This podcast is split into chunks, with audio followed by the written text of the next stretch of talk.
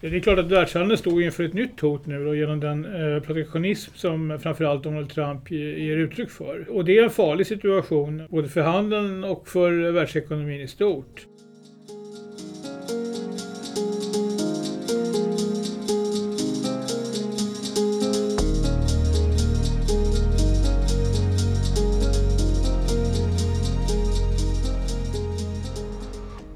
Och välkomna till Utrikeshandelspodden, en samtalspodd från Kommerskollegium, Sveriges myndighet för utrikeshandel, EUs inre marknad och handelspolitik.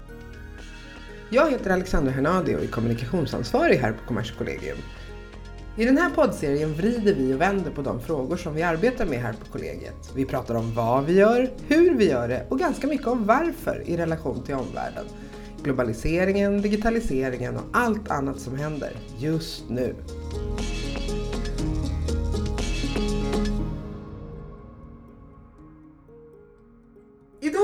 Vi skulle ta tempen på världshandeln som ju just nu tycks utsatt för alla möjliga virus och sjukdomar. Jag tänker egentligen på hot om slopade handelsavtal från amerikanskt håll, ett Brexit som ju sannolikt kommer få rätt stora konsekvenser, dels för oss som blir kvar inom EU, men även för Storbritannien såklart och resten av omvärlden. Och så tänker jag lite på de här protektionistiska tongångarna som vi hör i debatten i allt fler delar av världen.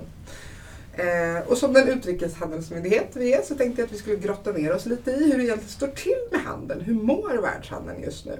Och vad vi har att vänta, vilka orosmoment egentligen finns som cirkulerar omkring mig.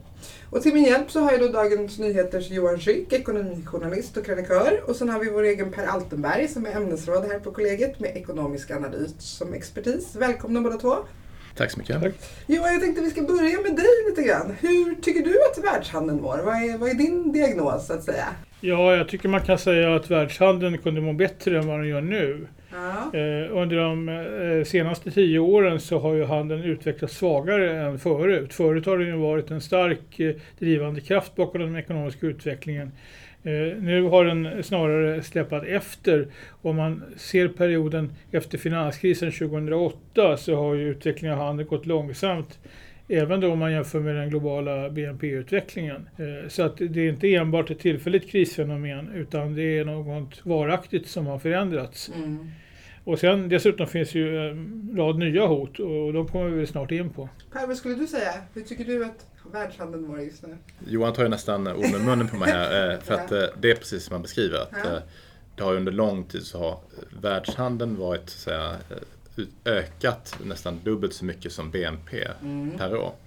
Men sen eh, finanskrisen så har det varit precis tvärtom. Att då har världshandeln ökat mindre. Och Sverige, vi ligger väl ungefär eh, vid ett typexempel på denna globala handelsinbromsning som man kanske kallar den för. Nu på sistone så har ändå världshandeln plötsligt vaknat till liv. Eh, och eh, The Economist hade ju, nu visar jag upp och det passar Nu ju då visar lite. Per Economys framsida här. Ja. Eh, Där det står On the Up eh, med eh, luftballonger på framsidan i alla länder. Och det gäller även för Sverige att vi har faktiskt haft en lite positivare utveckling av vår export under Ja. de senaste månaderna. Vi beskriver ju den utvecklingen i en årsstatistisk rapport som kom alldeles nyligen för helåret 2016. Eh, vad kan man säga om precis för Sveriges del? Hur har det gått? Tjänstehandeln utvecklas betydligt snabbare än, än varuhandeln. Det är väl Ja. en tydlig trend. Under åtminstone de senaste två, tre åren. Även om just under 2016 så var varuhandeln starkare. Men på två år har Sveriges tjänsteexport ökat med 16% medan varuexporten bara ökat med ungefär 5,5 Mm. En annan trend som vi ser är att eh, EU-länderna, alltså EU-marknaden, blir viktigare för svenska företag. Eh, Det förefaller som att eh, exporten ökar mer där än utanför E EU. Men okej, och ni båda var ju överens om att vi ser en slags global trade slowdown. Och det brukar ju många experter använda det uttrycket precis som du gör också Per. Eh, handeln bromsar in och det har den gjort ett ganska bra tag. Och vad är det egentligen som det beror på? Om man ska liksom dra lite större penseldrag. Jo, alltså det finns lite olika förklaringar till det här. Mm. Och Johan var, in, ja, precis, Johan var inne på det redan Ja. eh, tidigare. Frågan är, är den strukturell eller är den så att säga mer konjunkturell? Mm. Och en viktig förklaring sägs vara att det är en allmän nedgång i ekonomisk aktivitet. Framförallt när det gäller investeringar. Det är någonting som många framhåller. Någonting annat som också framhålls, eh, om vi kan också ta, titta tillbaka på just finanskrisen. Mm. Så är det forskare vid Harvard-universitetet, eh, Kenneth Rogoff och eh, Carmen Reinhardt som säger att det tar ungefär åtta år att återhämta sig efter en finanskris. Så det är Mm. faktiskt vad vi har nu. Så eventuellt är den återhämtning som vi ser faktiskt ett tecken på att de sista bitarna av finanskrisen nu håller på att Mm. liksom rensas, ur, rensas ur systemet. Det är någon slags exempel på sju svåra år. Ja, exakt. Precis. En annan förklaring är tilltagande protektionism och det har vi ju själva varit inne på som en tänkbar förklaring. Eh, sjunkande råvarupriser, främst olja, är ytterligare en förklaring som framhålls. Och sen också en trend där handelskostnaderna har sjunkit under lång tid men att de nu börjar plana ut den utvecklingen. Och det gör att den här utvecklingen mot produktion i internationella produktionsnätverk, att den har liksom börjat upphöra eller åtminstone inte är lika stark. Mm, det har stoppats upp helt enkelt. Precis. Och alla de här förklaringarna, tycker jag, eh, man kan konstatera att de, de hänger lite grann ihop. Om man tar till exempel det här med relationen investeringar och handel så är det så att handelshinder skapar osäkerhet för investerare. Mm. Och det gör ju att nedgången i investeringar och nedgången i handel, de, de, den följs åt. Så jag tycker inte riktigt att man kan eh, särskilja de trenderna Mm. så mycket som en del säger att investeringsdelen har en förklaring och eh, handelsdelen har en annan förklaring. Utan det hänger ihop. Mm. Det ska, genom, via osäkerhetsmomentet. Mm. Finns det andra förklaringsmodeller också? Vad säger du Johan? Ja, en som jag skulle vilja peka särskilt på eh, är Kina. Mm. Och eh, då handlar det om att Kina har ju varit en motor i världshandeln under ganska lång tid här. Och numera en motor som har tappat farten. Eh, och det är inte så underligt för att Kina har ju då haft ett, en tillväxtmodell som har byggt väldigt mycket på eh, import och export. Och, och där eh, hemmamarknaden har spelat en underordnad roll. Dessutom har man då haft väldigt hög tillväxt under eh, tvåsiffriga tal under eh, en längre period förut. Och det här är en modell som eh, väl var bra på, den tiden. Mm. Men den är inte hållbar eh, under en lång period och nu har man också i praktiken övergett den. Mm. Vilket innebär att Kina nu satsar på att eh, snarare bygga upp sin hemmamarknad eh, och samtidigt accepterar man en långsammare tillväxt i ekonomin. Det betyder också då att förutom att exporten blir mindre och det där kan ju även hänga ihop med handelshinder nu av- från USAs sida Mm. framförallt i fortsättningen. Men även importen då, deras behov av stora råvarumängder blir mindre därför att de har också en ambition att eh, inte så mycket eh, använda resurser utan mera vidareförädla och bli, bli en mera utvecklad och sofistikerad ekonomi. Allt det här är ju rätt bra alltså, va? men det leder ju till en eh, dämpning av världshandeln. Jag tänker på den här liksom, ja, global slowdown som man pratar om. Den pratade man egentligen liksom, oavsett den politiska utveckling vi har sett på sistone. Eh, jag tänker lite sådär på den handelspolitik, eller ganska mycket egentligen, på den handelspolitik som Donald Trump just nu säger sig bedriva. Eh, America first, alla de här slopade handelsavtalen, TPP och NAFTA. Hur påverkar det egentligen den globala handeln när vi även slänger in det i mixen så att säga Johan?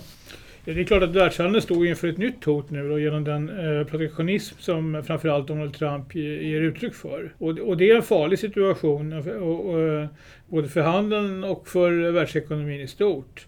Man kan även dra ut vidare följder av det Mm. eh, som ligger utanför det ekonomiska men som är väl så allvarliga. Mm, då? Ja, jag menar säkerhetspolitiskt Mm. ökade spänningar mellan länder. Eh, Handeln är ju en eh, förenande faktor när den fungerar. Mm. Om man eh, sätter upp hinder för handeln så kan det ju också bli en anledning att, till ökade spänningar på andra sätt mellan länder. Eh, I Asien är det väl kanske de största farorna för det. Men eh, alltså det eh, som kan hända är ju att eh, det blir motåtgärder från andra länder. Man kan inte vänta sig att framförallt större länder som Kina ska stillatigande se på att det eh, sätts upp handelshinder mot dem. Utan då Mm. kommer det också hä- hända saker från deras sida. Mm. Och, och, det här kan ju då få spridningseffekter, att man eh, trappar upp konflikten eh, steg för steg och att det blir ett regelrätt handelskrig av det slag som eh, världen var med om på 1930-talet. Mm. Det, kanske inte vad som kommer hända, men det är ett hot som man måste ta på allvar och som det i varje fall gäller att vara så medveten om så att man kan undvika det. Vad säger du Per? Vad kan det få för konsekvenser det vi ser just nu? Mm. Jo, alltså det som man ska komma ihåg det är att om man tittar på antalet handelshinder som har införts sedan Mm. finanskrisen. eh, De som mäter det här, eh, de konstaterar att USA är ett av de länder som har mest ökande handelshinder så att säga. Och det beror just på politik som eh, Buy America Act och sånt. Det finns den typen av politik redan innan Trump tillträder, ska man komma ihåg. Det. det tänker man inte så, så, att. USA är en av de värsta syndarna innan Trump kommer till som president. Eh, så det ska man ha i åtanke. Och sen så är det så också att Trump har ju sagt att de vill inte förhandla multilateralt, alltså i Världshandelsorganisationen eller med många länder samtidigt. Mm. Utan de vill bara förhandla bilateralt. Och det ser jag också som ett stort hot, att man försöker inrikta sig på enskilda länder. Det, till och med, land för land, land för land. Till, ja, precis, och till och med Tyskland, alltså enskilda EU-länder har man pratat Mm. om. Och det, det gör ju att man utmanar EU som union, så att säga. Mm. Ja, för det är ju egentligen inte en reell möjlighet om man ser till hur EU fungerar. eller? Nej, det är konstitutionellt inte möjligt. Nej. Men det jag tänker på där det är också att det tror man missar. Om Trump-administrationen säger att de ska förhandla bilaterala avtal Mm. med en rad länder. Eh, Handelsförhandlingar, det bygger alltid på ömsesidigt förtroende. Mm. Så ska man få till den typen av avtal, Mm. då gäller det att man bygger förtroende och där har de möjligtvis en del att jobba på än så länge. Men om vi då lämnar USA och och tillbaka här i EU så tänker jag också på Brexit framförallt och det krisande EU. Hur ser vi på den utvecklingen utifrån globala handeln? Ja, den är ju problematisk också, men man kan ju inte dra, någon direkt parallell. Alltså, den brittiska regeringen hävdar ju, rätt eller fel, att deras eh, politik, det vill säga utträda ur EU nu, Mm. ska leda till ökad handel. Just det. Så Ja. att eh, de- ju- har ju inte som mål att eh, bli mera självförsörjande Nej. eller att sätta sig själva främst eller något sånt. Utan de eh, tror, eller säger åtminstone, att det här ska vara en öppning mot hela världen, även Mm. utanför och bortom Europa. Eh, Men det här, sen kan man ju ifrågasätta det realismen i det här. Jag menar, eh, eh, närmare hälften av, USAs, förlåt, av Storbritanniens export går ju till EU. Och, då finns ju också en risk, om, om man inte hittar en vettig uppgörelse, att britterna hamnar utanför EUs tullmur. Mm. Och, och då kommer det ju att bli komplicerat. Och det förlorar ju inte bara Storbritannien på, utan det är ju även dåligt för EU-länderna som helhet. Mm. Så att det, det är klart att, att eh, det är ett stort problem. Sen har man ju också att eh, EU-länderna, i alla fall vissa av euroländerna, om man tar Grekland eller Italien, de är ju inte ute ur sina kriser ännu. Alltså. Nej. Så att de här sju åren, frågan är väl, eller åtta, Ja. frågan är när man ska börja räkna så att säga. I Mm. USAs fall kan man väl börja räkna ganska snart efter 2008-2009 för där, där kom det en återhämtning rätt kvickt. Va? Men jag menar, eurokrisen har ju varit väldigt segdragen så att, och det är ju en väldigt hämsko på handeln eh, att eh, det är så svag efterfrågan från många länder. Men om vi blickar framåt då så har vi ju en del ganska betydande val under våren nu här i Europa. Jag tänker på eh, Frankrike, Holland var ju precis och Tyskland och sådär. Hur skulle du säga att de här påverkar världshandeln Johan? Om man kan säga det. Ja, man kan väl säga att det är frihandelskritiska eller rent av fientliga röster har ju blivit starkare i många länder i Europa alltså, och eh, även fått större plats i politiken. Nu är valet i Holland just, just avklarat och där kan man ju säga att det leder ju nu inte som det resultat som kom till eh, någon förändring egentligen Nej. där då. Och, och det, det kan ju kännas som en lättnad. Men den stora frågan är ju hur det ska gå i presidentvalet i Frankrike Mm. och, och det, det ligger ju inte så jättelångt framöver här nu. Det är ju Nej. då första omgången i slutet av april och andra i början av maj. Mm. Och Marine Le Pen som ju då är en av de eh, kandidater som ligger absolut främst. Hon är ju, är ju eh, en mycket klar frihandelsmotståndare. Mm. Eh, Och eh, hon vill ju också ha en folkomröstning om EU-medlemskapet. Så att eh, på så sätt så står ju mycket på spel. Och jag menar hu- hur valet går är osäkert. Hon är inte, det är inte mest sannolikt att hon vinner. Men det är ändå ett, så pass tydligt att hon kan göra det att det har påverkat finansmarknaden. Att räntorna har ju stigit i Frankrike Mm. om man jämför med de tyska räntorna. Eh, på grund av, av just så här, ja, att det kan bli en sån valutgång. Mm. Sen har vi då Tyskland som har parlamentsval i september. Och där kan ju följden då bli att Angela Merkel eh, får lov att lämna sin position som förbundskansler. Mm. Eh, Det innebär ju inte någon ändrad politik säkert, va? Även, om det, även om det skulle bli en eh, socialdemokratisk kansler som ju Mm. i så fall det skulle betyda om, om hon eh, avgår. Åtminstone inte EU-politik. Inrikespolitiskt kan det innebära Ja, ja alltså det. kan det väl göra. Men, men alltså det, den grundläggande politiken tror jag, och handeln tror jag knappast ändras. Eh, även om, om eh, det sen finns så att säga, olika kritiska rörelser även i Tyskland eller frihandel som har kommit fram i samband med eh, förhandlingarna då, mellan EU och USA, TTIP-avtalet. Men, men, men det där, eh, ja, jag vet inte om det får så stor betydelse nu med tanke på att ett sådant avtal ligger, ligger ju långt fram i Ja, tiden om det överhuvudtaget blir av. Just Så att, eh, ja, jag menar Tyskland eh, är väl fortfarande så här, eh, i huvudsak ett land som är för frihandel. Mm. Och, jag tror inte att det, det ändras genom det här valet, även om det blir ett skifte vid, eh, på, på Annars kan eh, man ju säga att förbundskanslerposten. Har haft ett rätt starkt symbolvärde för liksom EU-samarbetet och så. Frankrike är väldigt viktigt i EU. Alltså, och om Frankrike inte fungerar bra så fungerar EU inte bra heller. Mm. Så det är egentligen där du ser de största liksom, orosmomenten? Absolut. Eh, Och, och där kan man ju säga att jag menar, det som Marine Le Pen ger uttryck för det är ju så en extremform av vad som finns även i andra politiska partier. Mm. Ja, hennes främste medtävlare kanske blir nu eh, Emmanuel Macron eh, som är ju då en eh, så här, progressiv mittenkandidat. Mm. Och, och det, då, då står det ju väldigt tydligt två alternativ mot varandra när det gäller synen på ekonomi och handel. Mm. Eh, Men annars finns det ju ganska många franska politiker som är protektionister eh, och eh, inte går så långt som hon gör. Men, Nej. men ändå, eh, jag menar man såg ju till till exempel att en hel del saker inte fick vara med i förhandlingarna om ett frihandelsavtal med USA från fransk sida. Och det, var ju då så att säga den nuvarande franska och föregående franska regeringen som har legat bakom sånt. Va? Så att jag Ja. menar, det, det, det är ett land som har en annan syn än vad vi framförallt kanske i Sverige har. Det. Jag tänkte, vi har inte ens nämnt eh, den tilltagande styrkeretoriken från ryskt håll som ju är ganska spännande om man betraktar det här utifrån. Vad kan man säga handels, ur ett handelsperspektiv om den utvecklingen tror du Johan?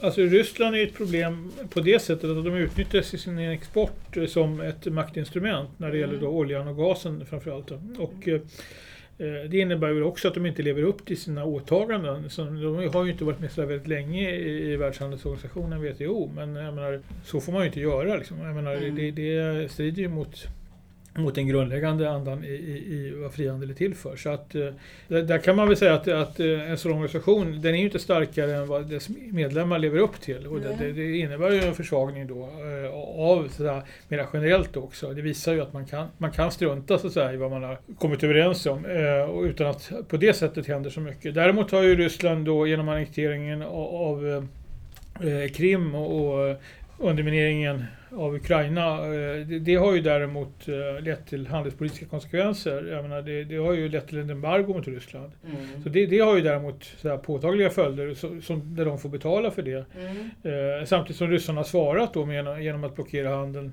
när det gäller livsmedel. Och, och Mm. menar, vi- ja, Finland till exempel har ju fått ta rätt, rätt mycket stryk av det här.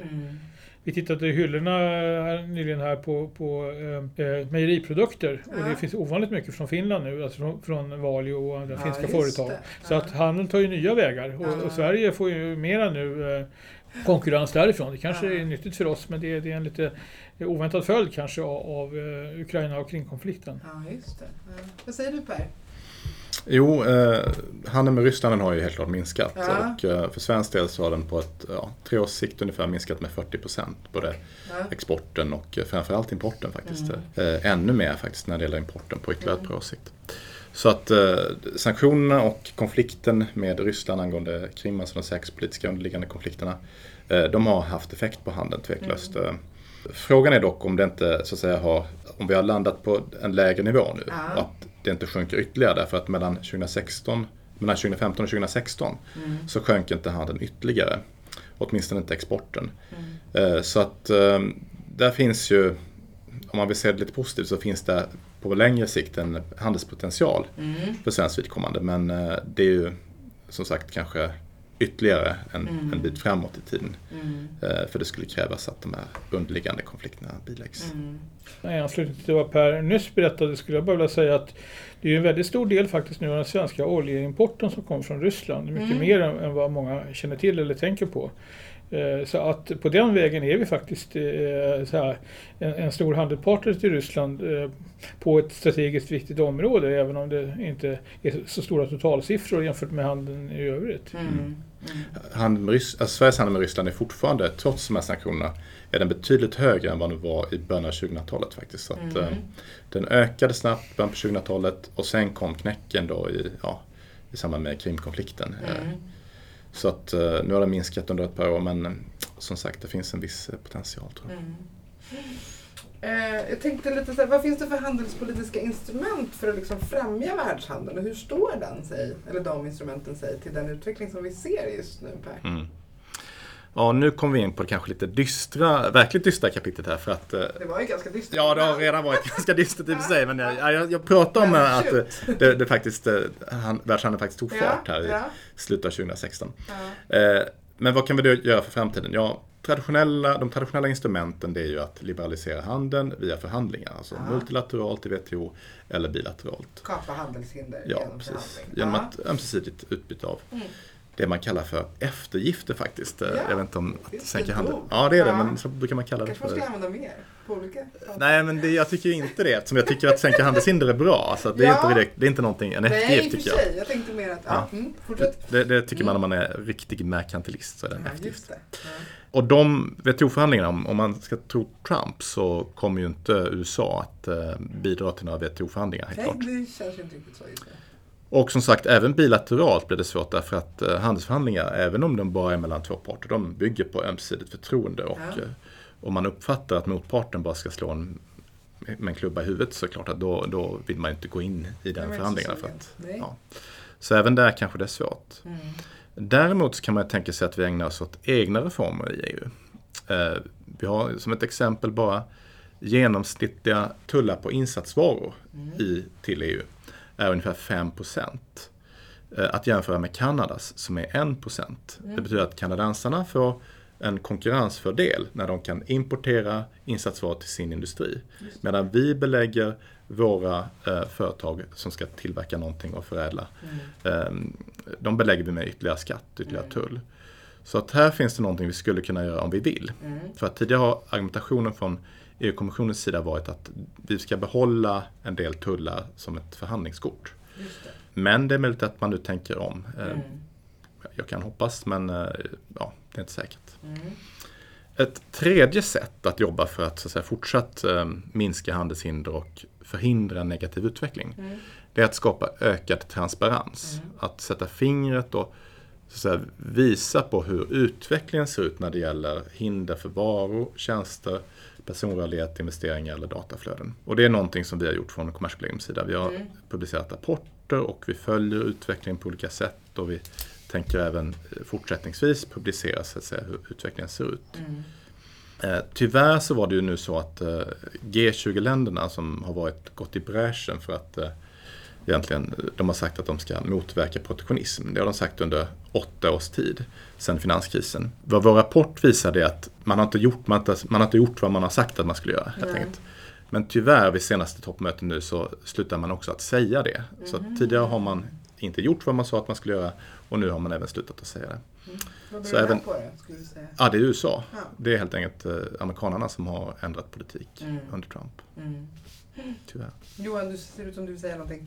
ja, ju, man borde ju pröva olika saker ja. och se om hur det går. Jag menar, går det att få igång TTIP-förhandlingarna med USA, inte nu, det är orealistiskt, men inom några år i alla fall, ja. så är det ju värt försöket. Jag menar, Trump har ju inte sagt att han är emot det avtalet egentligen, utan han har väl mera förhållit sig eh, likgiltig eller tyst just i den frågan än så länge. Mm. Och, och, även om man nu inte gillar multilaterala avtal så om man inser att EU är en enhet så att säga så kan man, kan man ju välja att se det som ett, en bilateral förhandling i så fall. Mm.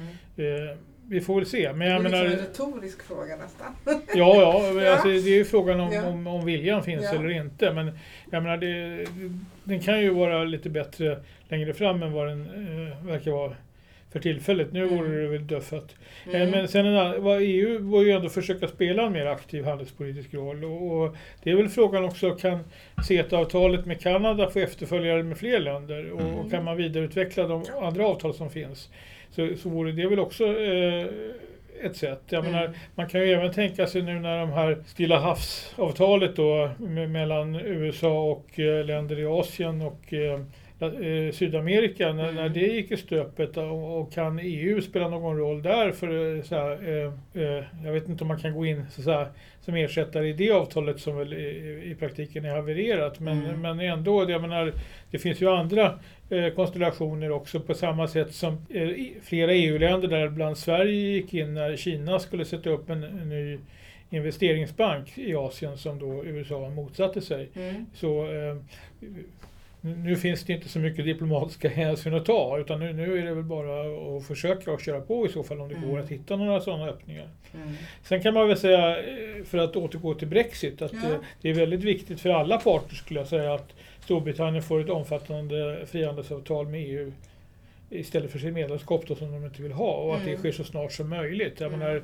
det är väl inte kanske realistiskt att det ska finnas om två år när de eh, ska lämna EU för det tar ju tid att förhandla fram det här. Men Men CETA har väl tagits åtta något där tror jag. ja, nu kanske man kan försöka i alla fall hitta någon annat sätt jag menar, med, med övergångsbestämmelser så, så att det inte uppstår tullmurar inom Europa Mm.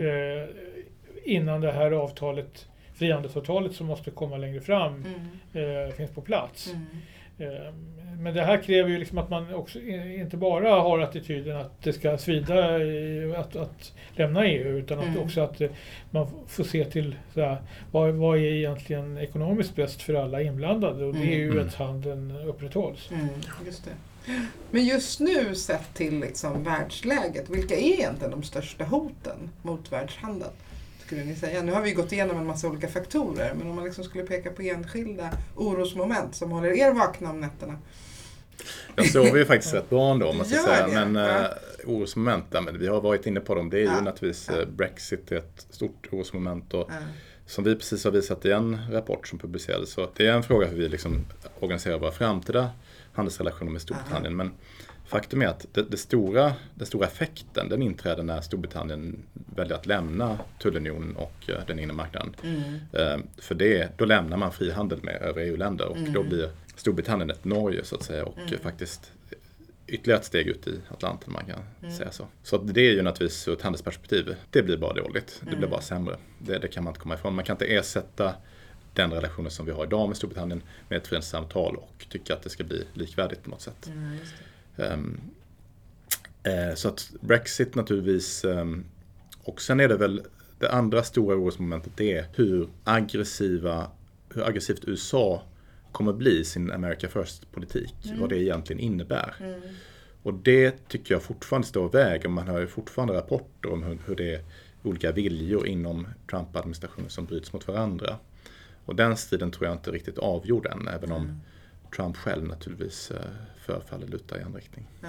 Vad säger du? Ja, USA och Kina är ju, tycker jag, den Mm. relationen, hur, hur den ska, utvecklas. Eh, Det, ser jag som en eh, nyckelfråga för världen. Jag menar, för Europa så är ju Brexit väldigt viktigt och, och därmed även för oss som har storhandel med, med britterna. Men den största faran tror jag ändå är liksom när det gäller handelskrig att, eh, att USA och Kina ska mäta sina krafter mot varandra på ett sätt som innebär eh, så här, ett destruktivt förlopp. Jag tror inte att det här liksom går jättefort i så fall utan det kommer gå i flera steg och Kina där, där, de tar det väldigt försiktigt faktiskt. Jag menar, eh, och det är också så att i år, senare i höst så kommer eh, kommunistpartiet i Kina som ju liksom ändå bestämmer allting, de har, Mm. kommer att ha kongress och där ska då den nuvarande presidenten Xi Jinping bli omvald och innan det här är på plats på något sätt så tar kineserna det väldigt försiktigt på alla fronter. Mm.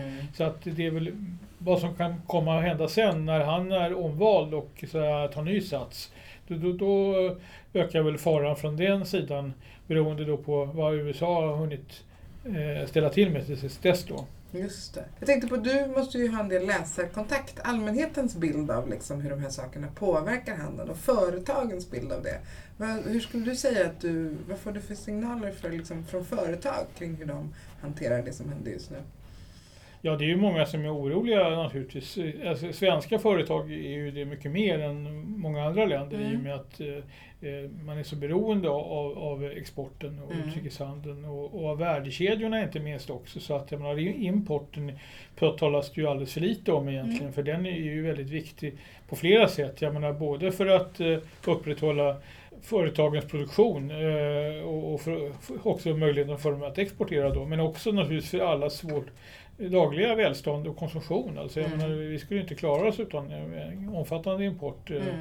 Så att det här, det här tycker jag det finns en stor medvetenhet om i Sverige eh, bland allmänheten också. Alltså mm. att man möter ganska lite tycker jag av, av protektionism och frihandelsfientlighet i opinionen här mot vad jag tror det finns i andra länder. Mm. Och det, det gör att vi kanske kan ha lite svårt att förstå här vad som rör sig i övriga Europa och övriga världen. Alltså, för, att, för oss är det en hel del som nästan är självklart, som inte mm. alls är det om man kommer utanför våra gränser. Mm. Mm. Ja, vi har pratat mycket om det här i podden, kring liksom berättelsen om frihandel. Att det kanske är så att man har tagit den på mångt, i mångt och mycket för givet. Och att det finns en del pedagogiska grepp där att återuppliva kring att förklara vad frihandel egentligen har för betydelse ur ett liksom, globalt perspektiv. Sådär. Ja, jag tror att det är viktigt. Och att, men, men också då kanske att bryta ner frågorna lite och, och titta på så att, alla vinner ju inte lika mycket även om mm. summan är positiv. Så, mm. Och då får man väl också fundera över så att hur kan man ta hänsyn till det. Menar, om man till exempel frihandeln leder till att vi får en snabbare strukturomvandling, att vi får företag läggs ner och mm. arbetskraft eh, friställs då. Hur ska man se till att man har en, samhällsmodell som mm. klarar av att hantera det här? Och då mm. tycker vi väl att eh, i Sverige har vi varit rätt så framgångsrika på det, även om det säkert kan bli bättre. Medan då andra länder, menar, USA talas det väl oftast om nu, har varit rätt svaga på det här mm. området. Alltså trots vad som brukar sägas om den väldiga rörligheten där och, och mm. den amerikanska drömmen och allt möjligt så, så har det stagnerat i rätt hög grad. Alltså, och det, det, det, är ju ett problem som finns även på andra håll. Om vi, Frankrike som vi pratat om förut nu när det gäller valet är ju ett land med reformerna har uteblivit under lång tid och det är en ganska stagnerad ekonomi vilket mm. ju har varit också en grogrund för politisk eh, populism. Mm. Men hörni, jag tänker summa summarum, nu har vi pratat om hur handeln mår. Eh, mitt intryck är att det känns ganska deppigt. Vad, liksom, sammanfattningsvis, är, vi, är världshandeln, har den feber mycket eller lite eller kan vi se någon slags ljusglimt runt hörnet? Det är en tuff fråga. Nej, men jag skulle ändå säga att det finns eh, gryende hopp när det gäller handeln i sig själv. Ja. Det är det vi ser nu. Ja. Att, eh, och det var, var de här ballongerna på framsidan av The Economist jag inte visade. Men frågan är ju nu om det här är en falsk gryning så att säga. Om det är någonting som kommer visa att det är kortsiktig effekt och att den sen ebbar ut igen. En tillfällig flumsa. Och en annan risk är ju att populisterna, eh, högerpopulisterna, att de, både Trump och kanske i Storbritannien och i andra länder som, där vi nu har haft det här uppsvinget för mm. den typen av strömningar att de tar det som intäkt för att det här är nu rätt väg att gå. Mm. Snarare än ett resultat av den politik som tidigare har förts. Eh, som har varit mer öppenhetsinriktad. Mm. Eh, så det är väl också en utmaning. Men jag skulle inte säga att det är bara gloom and doom. Mm. Inte om man tittar bara på handeln. Däremot handelspolitiken, mm. där ser det ganska mörkt ut just nu. Mm. Johan, några avslutande ord? Sådär. Jag tror man får se den här utvecklingen som att den går i cykler. Alltså det, nu, nu har det varit en period av eh, stark globalisering och, och väldigt eh, mycket eh, handel eh, och ökad öppenhet. Av skäl som man i och för sig då kan beklaga så har det här svängt på ett sätt som väl knappast låter sig ändras. Man kan bromsa eh, så här, försämringen men, mm. men, men, men, det kommer ju inte så här bli en positiv utveckling på, på ett, ett tag. Men förmodligen så kommer det vända. Fast mm. det är svårt att säga när. Men mm. det här har ju inte gått, varit en jämn utveckling förut heller. Så, så att det, det det är så här det är helt enkelt. Nej, ja, ja så, så, här, så här är det ju i världen. Och det här hänger ju också ihop med någonting som är väldigt komplicerat. Och det är ju förändringen eh, av, av här, världen och då gäller det både ekonomiskt och politiskt från eh, en situation där det nu senaste decennierna varit en makt, nämligen USA, som har dominerat. Mm. Eh, tänker jag efter kalla kriget alltså. Och, mm. och, och, och eh, nu håller vi på att få en mer multipolär värld, alltså där det finns många krafter som konkurrerar. Mm. Och, och, det här är ju här, inget som sker enkelt, utan det är någonting som skapar väldigt mycket spänningar. Mm. Och, och, att handeln blir lidande i den situationen är ju kanske inte så konstigt, mm. även om man kan tycka att det helst inte skulle vara så. Och, och, vi har allt att vinna på att försöka bryta den utvecklingen. Mm. Hörrni, tack så jättemycket för att ni var med mig här i podden och pratade om den här utvecklingen. Tack! Tack själv.